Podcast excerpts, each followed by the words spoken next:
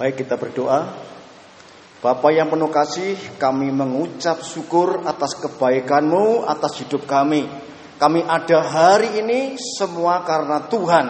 Dan hidup ini hanya untuk melayani Tuhan.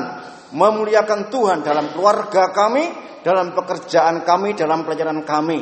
Biarlah apa yang kami kerjakan tidak jauh dari firman-Mu sehingga hidup kami di bawah naungan kuasa Roh Kudus, kuasa yang suci, kuasa yang luar biasa, benar sehingga mujizat demi mujizat kami alami di dalam Tuhan Yesus. Terima kasih kalau saat ini kami berkumpul dengan saudara-saudara kami, hamba-hamba Tuhan yang luar biasa. Biarlah kami berbagi iman kami, berbagi pengalaman kami, Terlebih lagi kuasa firman-Mu yang menguatkan setiap kami. Karena firman Tuhan ya dan amin. Saat kami melakukan firman Tuhan, kuasa Tuhan bekerja atas hidup kami. Kami melayani Tuhan disertai dengan tanda-tanda yang ajaib. Tanda-tanda yang luar biasa. Supaya kami tidak menjadi Kristen yang biasa, hamba Tuhan yang biasa, tetapi yang luar biasa. Tuhan pakai untuk alat kerajaannya di mana kami melayani Tuhan di tempat kami. Segala pujian, segala hormat, segala syukur hanya bagi Tuhan saja. Haleluya. Amin. Baik, salam. Bukan kuat gagah saya, tetapi karena firman Tuhan. Amin. Haleluya. Saja saudara membaca di dalam Mazmur 63 ayatnya 1 sampai yang kelima. kerinduan kepada Allah. Mazmur Daud ketika ia ada di padang gurun Yehuda, Ya Allah, engkaulah Allahku, aku mencari engkau. Jiwaku haus kepadamu, tubuhku rindu kepadamu. Seperti tanah yang kering dan tandus tiada berair. Demikianlah aku memandang kepadamu di tempat kudus sambil melihat kekuatanmu dan kemuliaanmu. Sebab kasih setiamu lebih baik daripada hidup. Bibirku akan memegahkan engkau. Demikianlah aku memuji engkau seumur hidupku. Dan menaikkan tanganku demi namamu. Seperti dengan lemak dan sumsum jiwaku dikenyangkan dan bibir yang bersorak-sorak bersorak-sorai mulutku memuji-muji haleluya dasar firman Tuhan hari ini yaitu Pengalaman Raja Daud saat dikudeta oleh anaknya sendiri Absalom. Sehingga Daud harus melarikan diri di padang gurun Yehuda. Padang gurun Yehuda, ya otomatis di sana tidak ada kehidupan. Daud melarikan diri. Ternyata jabatan, pelayanan, posisi dan kedudukan bisa hilang kapan saja. Musuh yang paling berbahaya adalah diri kita sendiri. Absalom adalah anak kesayangannya Daud. Dia tidak menduga sama sekali bahwa anaknya sendiri yang akan kudeta. Kerjasama dengan orang kafir lagi.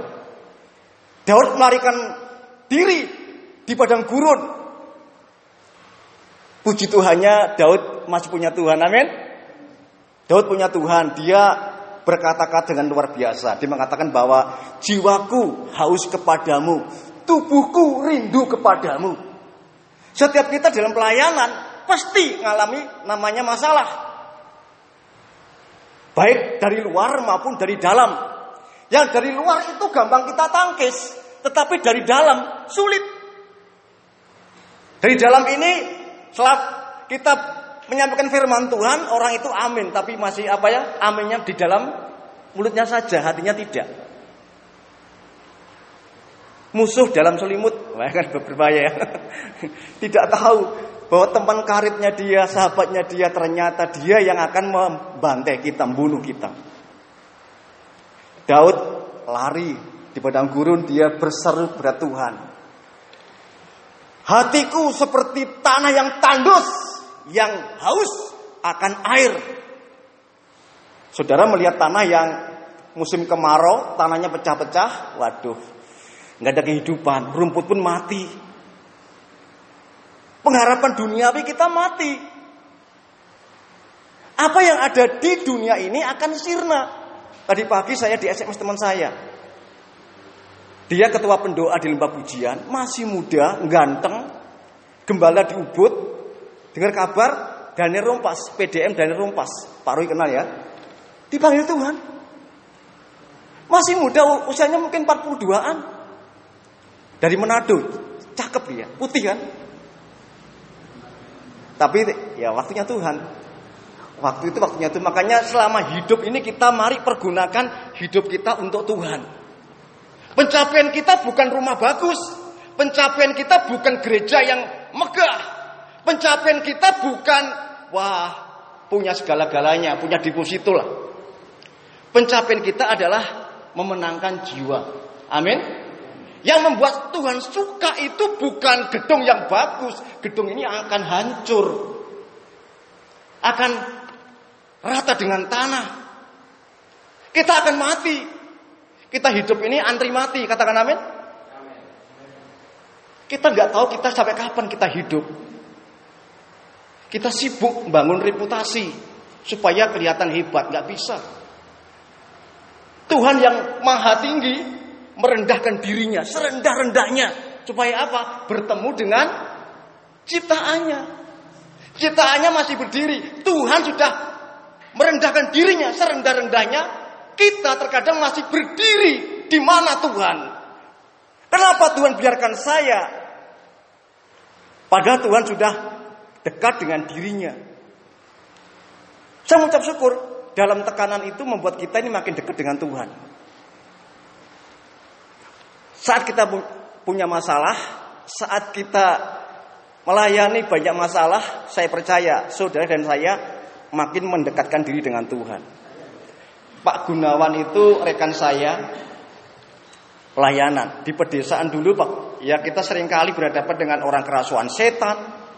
Orang banyak masalah. Justru di situ saya melihat kemuliaan Tuhan.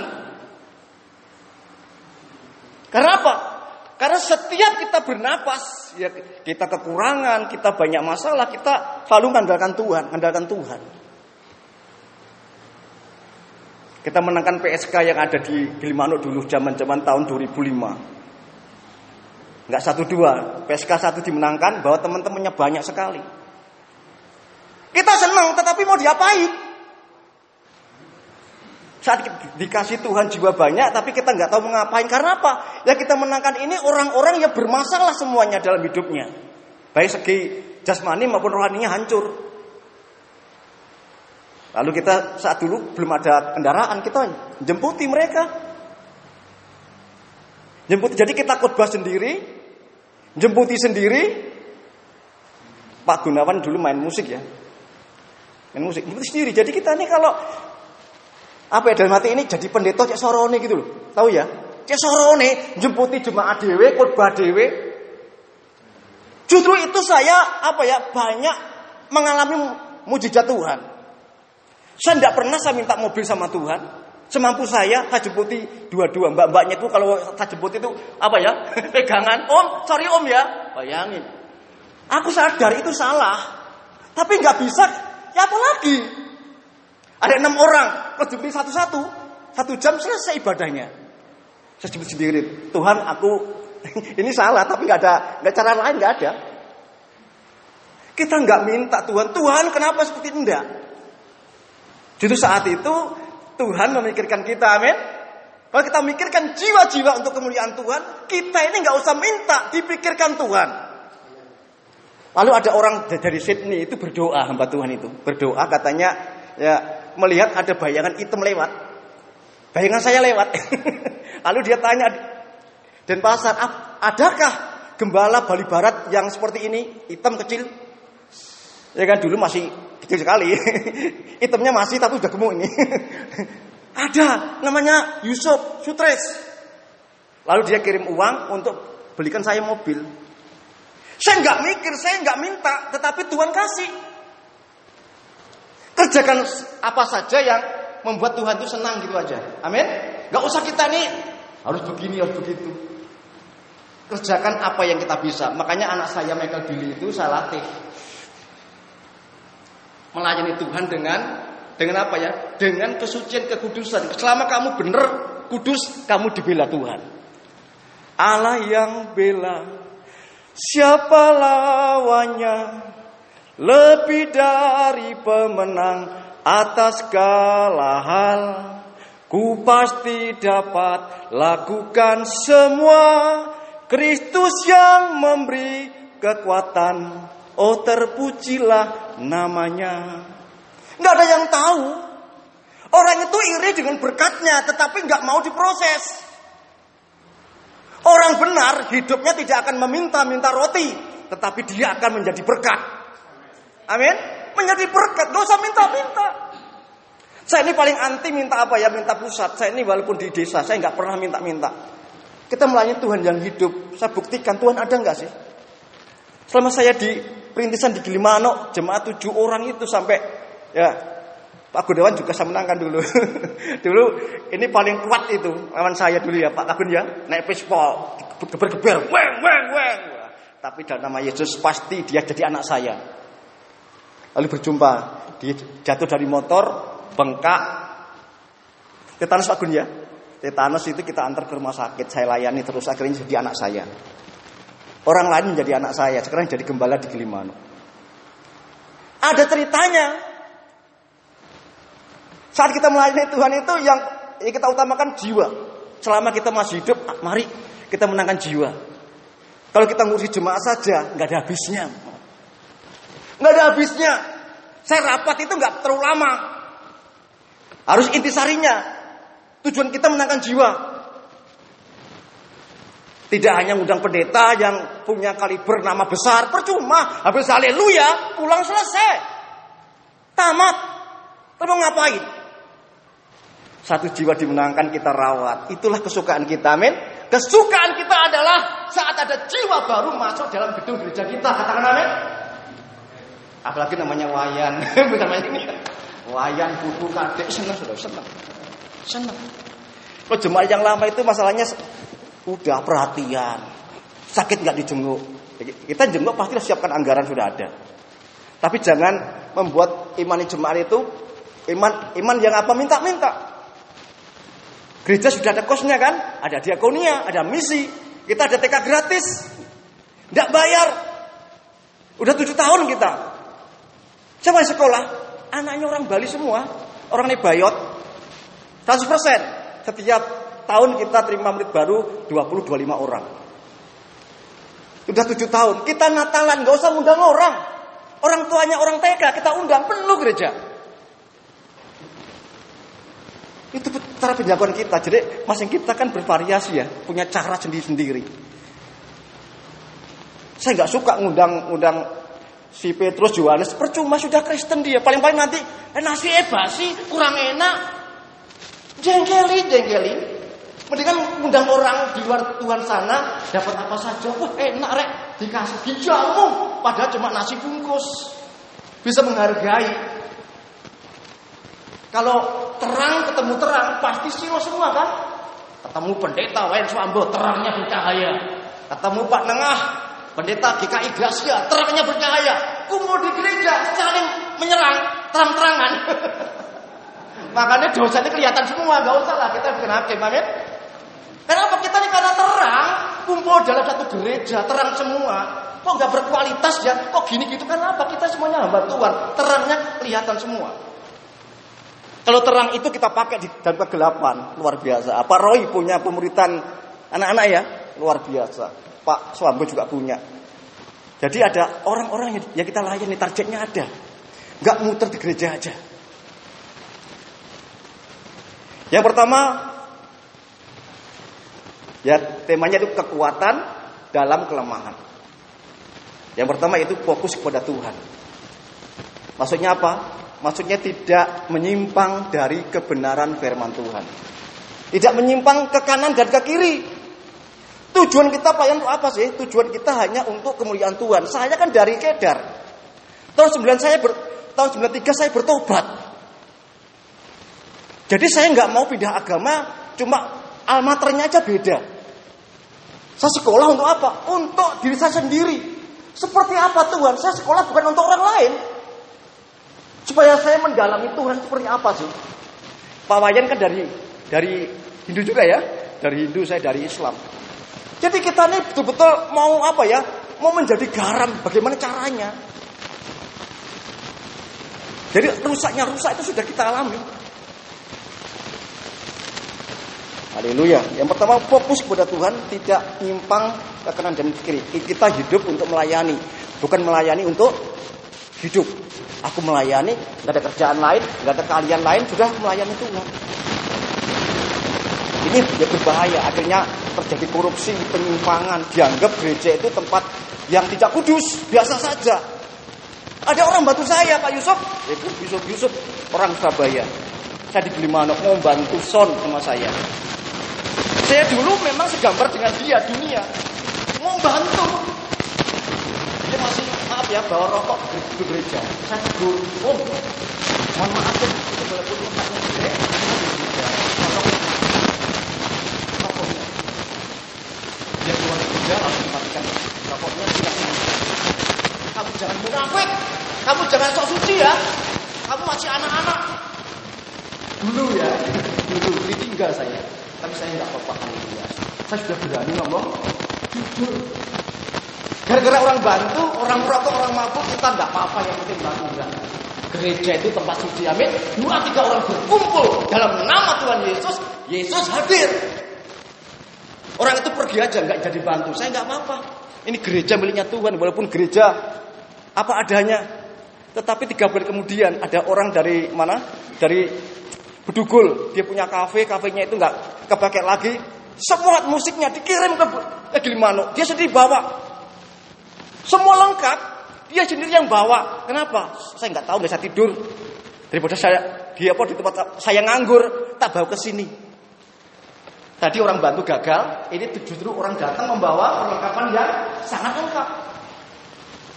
Itu membuktikan bahwa Tuhan itu ada. Orang yang suci hatinya, orang yang betul-betul mengandalkan Tuhan tidak akan dikecewakan. Saat itu saya mulai bangkit lagi. Banyak hal. Justru di, di tempat saya yang yang sekarang ini saya nggak begitu melihat apa ya karya yang luar biasa. Karena apa? Semua apa ya teman-teman semuanya sudah bagus kerja gitu loh. Karena apa? Kita doa sama-sama, dana sudah ada. Dulu kita mau Natalan aja di Gilimanuk, dua setengah juta. Kita startnya enam bulan sebelumnya. Karena apa? Kita tahu kemampuan kita. Udah enam bulan mau Natalan, dananya nggak cukup, cuma 500 ribu. Bayangin. Saya sebagai hamba Tuhan, mohon maaf ya, saya nggak mau di depan jemaat itu kayak nggak punya iman. Sampai saya ini gade, gade apa gade. Motor saya di PKB-nya untuk nambahin Natalan. Ada niat seperti itu. Tapi Tuhan itu luar biasa. Nggak sampai saya gade. Lalu hari Minggu ada orang datang dulu ada Pak Tommy dulu. Suruhannya dari Pak John Paul, Kapolres yang lama. Pak Tommy dulu masih masuk di, di Bali bawa trail. Pak saya disuruh Pak Joni Paul untuk memberikan persembahan. Kita kumpul ke 6 bulan cuma 500. Nggak pernah kenal orang itu tiba-tiba datang bawa trail ngasih masuk amplop ke kota itu.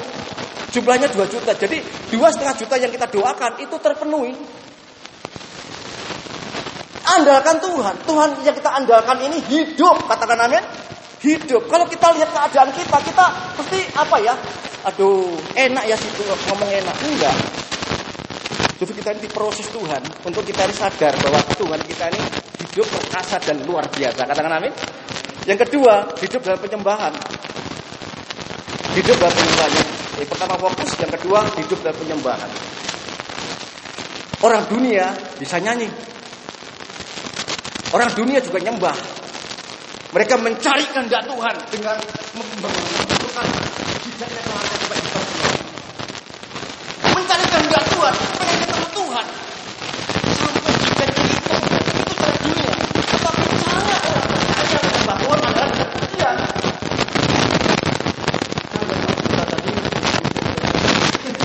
Jarang nyanyi. Saya jujur, saya untuk nyanyi saya fals. Jadi saat penyembah saat apa pujian itu adalah saat kita nih mengagungkan Tuhan. Oh Allah yang besar, Tuhan ajaib, engkau gunung batuku. Lagu-lagu itu Mazmur Daud itu luar biasa. Pengagungannya kepada Tuhan saja. Kuasamu, pelayananmu akan sia-sia kalau kau dalam penyembahan engkau tidak bertemu dengan Tuhan. Bertemu dengan Tuhan maksudnya itu firman Tuhan itu masuk dalam sanubari kita menjadi rema. Firman itu adalah kekuatan dalam hidup kita untuk melayani Tuhan. Amin. Kita ada sampai hari ini karena kuasa firman itu masih ada. Karunia Tuhan diberikan sama kita. Itu masih ada. Tinggal kita pergunakan atau tidak. Karunia iman, karunia pengetahuan, karunia berbahasa roh, karunia membedakan bahasa roh. Ada sembilan karunia yang Tuhan kasih sama kita. Tetapi apakah kita sudah pergunakan atau belum? Saya percaya saat kita menyampaikan firman Tuhan itu ada perenungan yang luar biasa. Dalam dua bulan ini saya selalu muter saya di, diundang di Denpasar. Saya punya itu aja. Kita pendeta desa. Jangan minder, kita ngomong apa adanya. Justru mereka suka. Saya yang malu sama jemaah saya sudah dua, dua bulan ini saya terus muter-muter menjadi kesaksian. Kita banyak. Kalau materi itu bayang-bayang. Antara satu dan dua. Yang mulai mengerti Alkitab. Yang banyak. Tetapi firman yang hidup dalam hidup kita inilah yang menjadi kesaksian kita. Gak katanya firman Tuhan, aku ngalami Tuhan, mau apa? Haleluya. Udah ngalami Tuhan, mau apa? Gak ada orang bantahnya. Saya dulu itu lahir gagap bisa ngomong. Kenapa saya percaya Tuhan? Karena saya, saya percaya Tuhan itu pengennya itu ngomong lancar. Tapi saya sekolah Alkitab 4 tahun nggak bisa ngomong lancar. Tapi dengan berdoa, berdoa tanpa sengaja, ikut-ikut akhirnya bisa ngomong lancar. Sampai hari ini,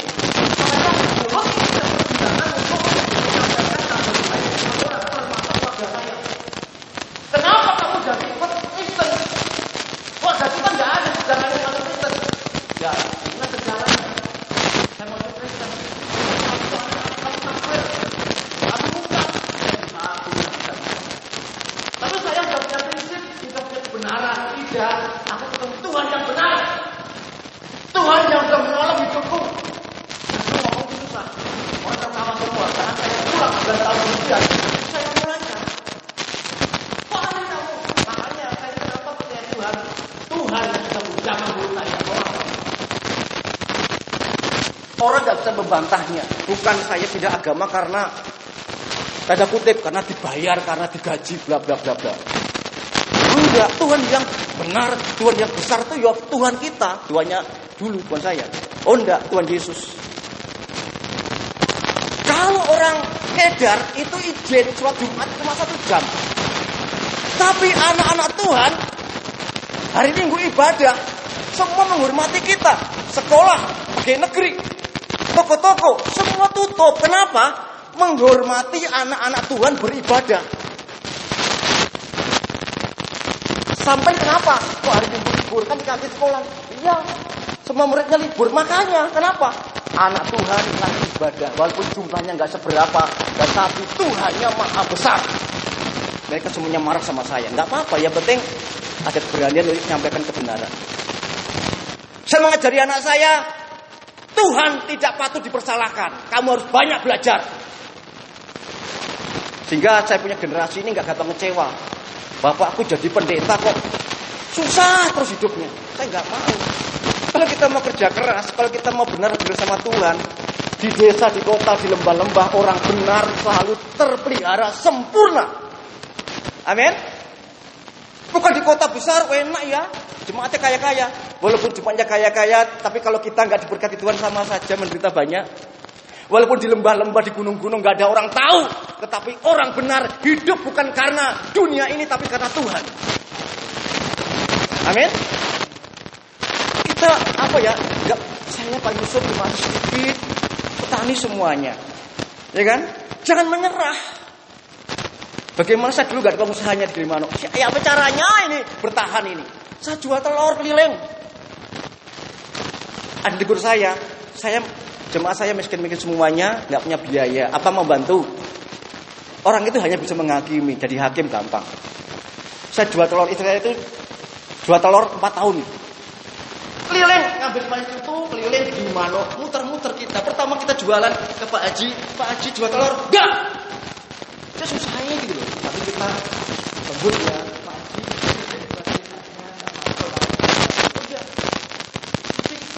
Dekat Tuhan, buat jiwa akhirnya diterima. Di pasangan teman-teman masih muda, kita jadi kemudian kita banyak. Pak Haji yang dulu, Haji saya tiba-tiba orang nyadar, tolong, tolong, tolong. Ayo sob, turun telurnya. Bukan terakhir, Pak, karena telur. jadi kita jadi akrab ya Pak. Dulunya itu sama saya pasang badan, angker. Setelah kita akrab dengan dia, dia jadi baik tuh. Jadi baik. Saya nggak eksklusif, kita ini sama cari makan, tapi Tuhannya aja beda, men. Tuhannya beda. Jadi kita jangan mudah menyerah, jangan orang. Orang itu kalau mau naik. Orang itu kalau mau siap naik harus siap. Kalau kita menganggap diri kita tinggi, saudara sudah kalah, sudah kalah. Kita ini harus membuat saudara mati. Kata nabi, Pak Ingat dan saya saudara. Dulu ya, Pak Ingat punya, Pak Ingat kasih saya, saya punya, kasih Pak Ingat. Haleluya.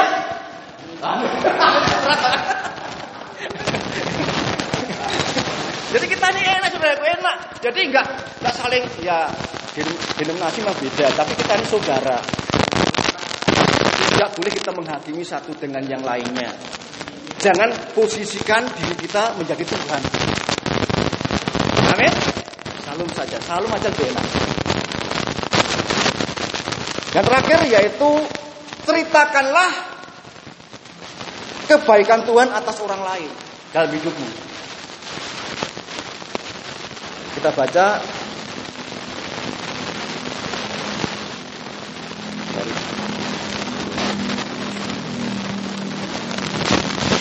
Lukas yang Lukas 8 ayat 38 sampai 39. Dan orang yang telah ditinggalkan setan-setan itu meminta supaya ia diperkenankan menyertainya, tetapi Yesus menyuruh dia pergi. Katanya, pulaulah ke rumahmu dan ceritakanlah segala sesuatu yang telah diperbuat Allah atasmu. Orang orang itu pun pergi mengelilingi seluruh kota dan memberitahukan segala apa yang telah diperbuat Yesus atas dirinya. Ini ceritanya orang gila di Gerasa berjumpa dengan Tuhan Yesus di Paskah menjadi orang bebas.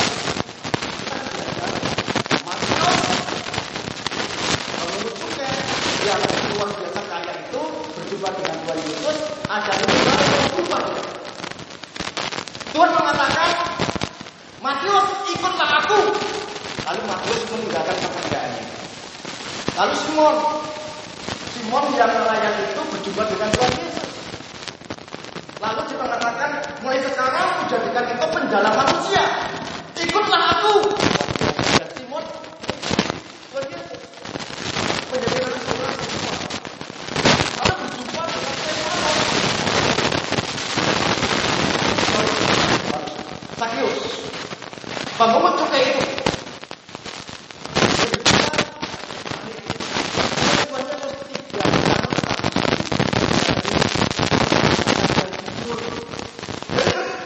Pekerjaan apa saja itu jadi baik dan tidak baik tergantung manusia ini. Saat Sakius berjumpa dengan Tuhan Yesus, tidak boleh ikut dia, tetap juga di kota ini, kamu cara kerjamu sudah berbeda dengan yang lain. Jauh tentang pajak, dan Tuhan Yesus suruh. Jadi ketika ini adalah orang gila di Jelaskan saat dia disembuhkan Tuhan, dia mau ikut dengan Tuhan. Tapi Tuhan ngomong apa? Tidak, kamu tinggal di kota ini. Ceritakanlah kebaikan Allah atas dirimu. Mohon maaf saudara ya, sebagian hamba-hamba Tuhan itu dulunya itu apa ya? Kayak ini, kayak gila, itu sebenarnya gila. Tinggalkan istrinya, tukang tipu, masuk penjara, lalu bertobat jadi pendeta. Baru ngomong, Pak, tinggal di kota ini. Beritakanlah kebaikan Tuhan atas dirimu. Orang gila ini bertobat dan menjadi pendeta mungkin ya. Dia di kota-kota dia menyampaikan kabar baik. Aku telah sembuh, aku dibebaskan oleh Yahweh, oleh Yehova. Dan semua orang mendengar kebaikan Tuhan atas dirinya. Kok bisa ya orang gila sudah bertahun-tahun kok bisa dibebaskan sekarang? Sekarang menjadi saksinya Tuhan. Saya dulu perampok pak. Kalau dulunya dulu dulu, dulu akhirnya apa? Kalau orang bersaksi saudaraku, dulu dulu saja Saya dulu penipu pak, saya perampok pak, saya begal pak, saya gina pak. Kok saksinya itu diulang-ulang terus, berarti dia masih terikat dengan masa lalu. Saat ini kita sudah dibebaskan, kita bersaksi tentang Tuhan baik.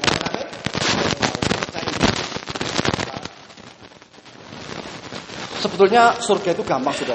Surga itu kalau gini. Saya pernah debat sama orang. Tahu surga kamu? Dia mengatakan ada ada langit tingkat tujuh. Kalau di kita kan cuma tiga tingkat ya. Tingkat, tingkat pertama petobat baru. Tingkat yang kedua orang yang melakukan firman Tuhan. Tingkat yang ketiga yaitu orang yang martir.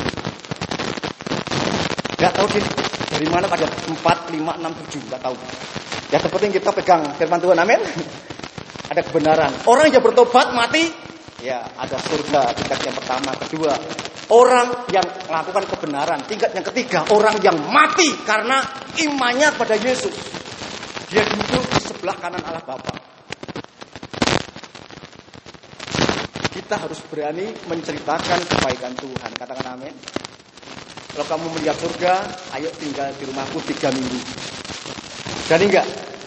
Kalau kamu mau lihat surga, tinggal di rumahku tiga minggu.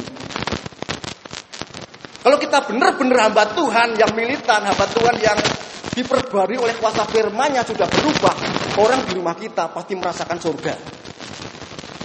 Kita bertahan sehari bisa, dua hari bisa. Ya ketiga hari udah gak tahan ini. Biasanya nahan, iya ibu, iya bapak.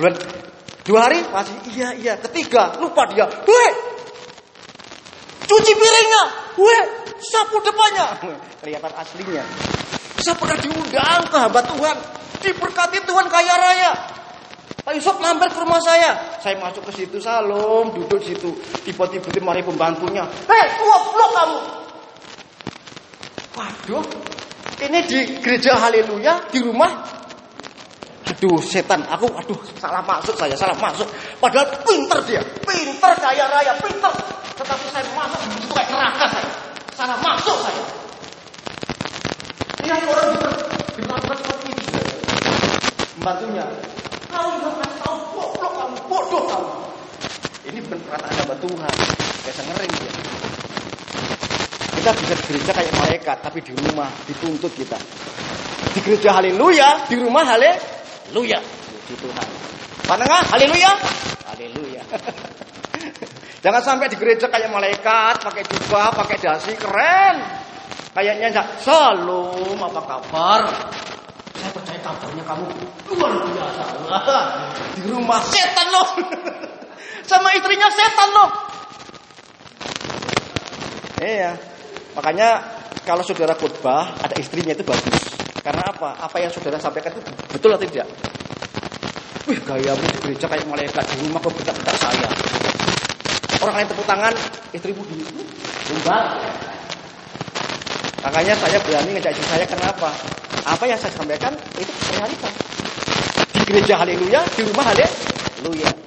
Kalau rapat di gereja, berapa rapat? Ma, Michael, Kevin, rapat. Duduk. Kita nih hamba Tuhan, udah yang ngomong. Papa punya kelemahan, mama punya kelemahan. Ya apa caranya? Kita ngomong baik-baik. Supaya kita ini betul-betul surga, surga ini itu betul-betul nyata sudah. Ketemu anak istri itu surga, jadi senang sudah, senang. Banyak orang berhasil di luar tapi di dalamnya keropos. Keropos, ngomong apa saja nggak digubris sama istrinya. Nggak digubris sama anak-anaknya. Kalau saudara orang benar, benar di mana pun orang benar nggak bisa ditutupin saudara. Benar, terangnya bercahaya. Michael Billy mau ke mana kau? KKR pak. Di mana KKR-nya? Suruh Gak bawa mobil? Enggak, orang dikit. Oh iya. Pamit. Eh, Ke mana aja pamit dia? Pak, pergi ya ke mana? Gereja. Saya kasih nilai dia. Kita ini mau mati. Kalau kita nggak persiapan generasi, siapa yang teruskan gereja kita? Gereja ini almarhum, lalu nggak ada penerusnya bubar. Bubar juga baik.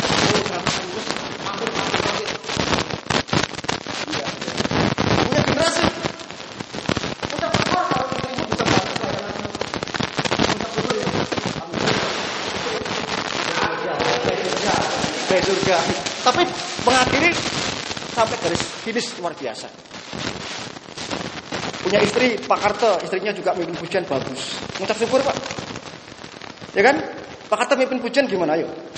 Bisa, tapi lebih bagus istrinya ya kan? Suaranya lantang. Haleluya! Seorang pemimpin pujian itu semangat, amin. Semangat juga, smile luar biasa. Itu aja yang saya sampaikan. Kurang lebihnya saya minta maaf. Sebagai rekan sepelayanan kita saling melengkapi. Bukan kami lebih pintar, tapi melengkapi supaya kita lebih baik. Untuk ke depan banyak jiwa dimenangkan. Ada 39 gereja. Kalau satu bulan aja satu jiwa dimenangkan satu gereja, berapa ratus setiap tahun. Kita kumpul enggak cuma kumpul-kumpul saja. Ada berita gembiranya, ada satu jiwa, satu kakak dimenangkan. Saya kalau ada orang menangkan jiwa, saya berguru. Kok bisa Pak? Belajar saya. Amin. Belajar karena apa? Tidak gampang sudah itu. Butuh pengorbanan, butuh tekad, butuh apa ya? Butuh semua, butuh kemauan. Kita jangan terlalu nyaman di gedung gereja yang nyaman. Aslinya dingin lagi. Tiap hari cuma merenungkan firman Tuhan. Tapi firman Tuhan kalau tidak praktekkan ke lapangan, sia-sia. Nanti Tuhan tanya, ya kan? Hasilmu apa? Selama di bumi. Gedung gereja Tuhan, gereja akan rata dengan tanah. Mobil bagus, engkau mati ditinggal mobilmu. Rumah bagus ditinggal buat rebutan anak-anakmu nanti. Harus ada jiwa baru. Haleluya. Puji Tuhan. Bapak yang penuh kasih kami mengucap syukur atas siang hari ini kesempatan yang ada kami pergunakan untuk memuliakan Tuhan supaya kami belajar lebih lagi lebih lagi kami bukan orang yang luar biasa tapi kami belajar sama Tuhan yang luar biasa supaya hidup kami punya arti dan berarti dalam pelayanan kami di mana kami Tuhan tempatkan kami sehingga kami menjadi garam dan terang yang nyata dalam gereja kami. Terpujilah namamu haleluya amin